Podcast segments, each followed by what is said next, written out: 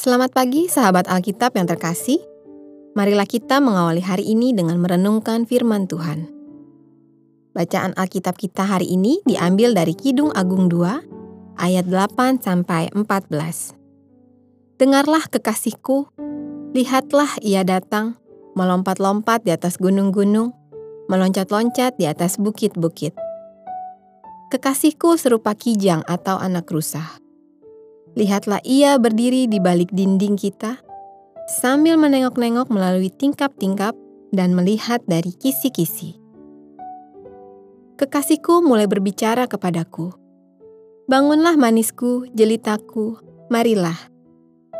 Karena lihatlah musim dingin telah lewat, hujan telah berhenti dan sudah berlalu. Di ladang telah nampak bunga-bunga, tibalah musim memangkas bunyi tekukur terdengar di tanah kita. Pohon ara mulai berbuah dan bunga pohon anggur semerbak baunya. Bangunlah manisku, jelitaku, marilah.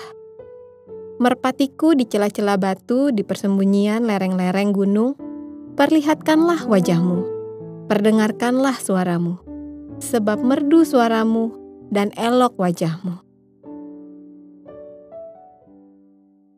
Perkataan dalam Kidung Agung ini merupakan ungkapan kebahagiaan pasca sebuah pernikahan. Terdapat banyak kata-kata simbolis yang merujuk kepada momen intim yang dapat digunakan oleh pasangan Kidung Agung untuk merayakan cinta dan pernikahannya. Meski demikian, tidak berarti syair ini hanya merujuk kepada persoalan seksualitas melainkan juga menampilkan kepada para pembaca perihal upaya memperjuangkan dan merayakan cinta. Nampaknya, mereka sungguh menyadari bahwa sebuah hubungan pernikahan selalu membutuhkan upaya yang memperjuangkan cinta itu tetap membara di antara mereka. Sahabat Alkitab, tema pernikahan di masa sekarang juga melekat dengan tema perceraian. Maksudnya, terlalu banyak perceraian yang terjadi, tidak terkecuali di tengah keluarga Kristen. Tentu saja, renungan ini tidak bermaksud untuk memberikan penghakiman bagi mereka yang hidup sebagai keluarga yang bercerai.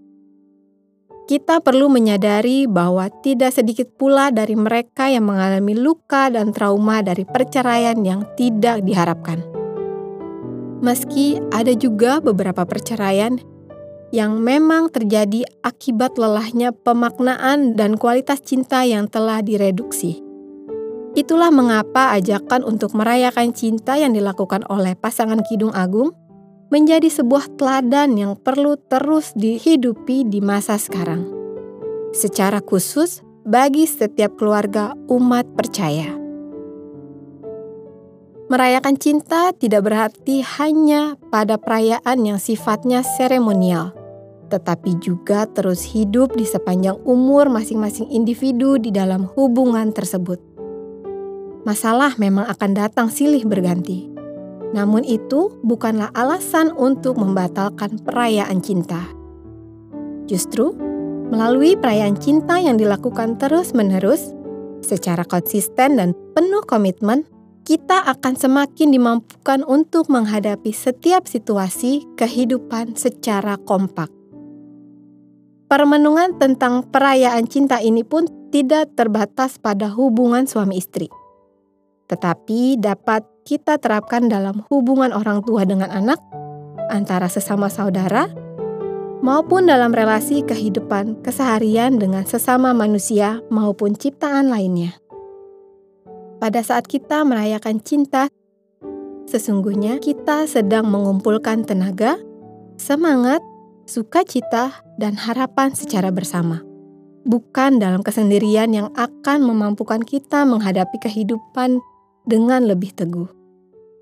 Selamat merayakan cinta dalam setiap relasi Anda. Marilah kita berdoa. Ya Tuhan, firman-Mu yang menyapa kami hari ini telah memberikan kesadaran tentang kuasa cintamu yang selalu hadir dan memampukan kami untuk menjalani serta menghadapi dinamika kenyataan hidup kami. Terima kasih untuk semua itu, dan biarlah kami dimampukan untuk merayakan cintamu di dalam hidup kami sehari-hari. Mulai dari setiap relasi yang kami miliki dengan orang-orang terkasih kami. Sehingga setiap hari baru yang Tuhan berikan dapat menjadi kesempatan bagi kami untuk menikmati ketulusan cinta dan kuasanya yang bersumber daripadamu. Hanya di dalam nama Tuhan Yesus Kristus, kami berdoa. Amin.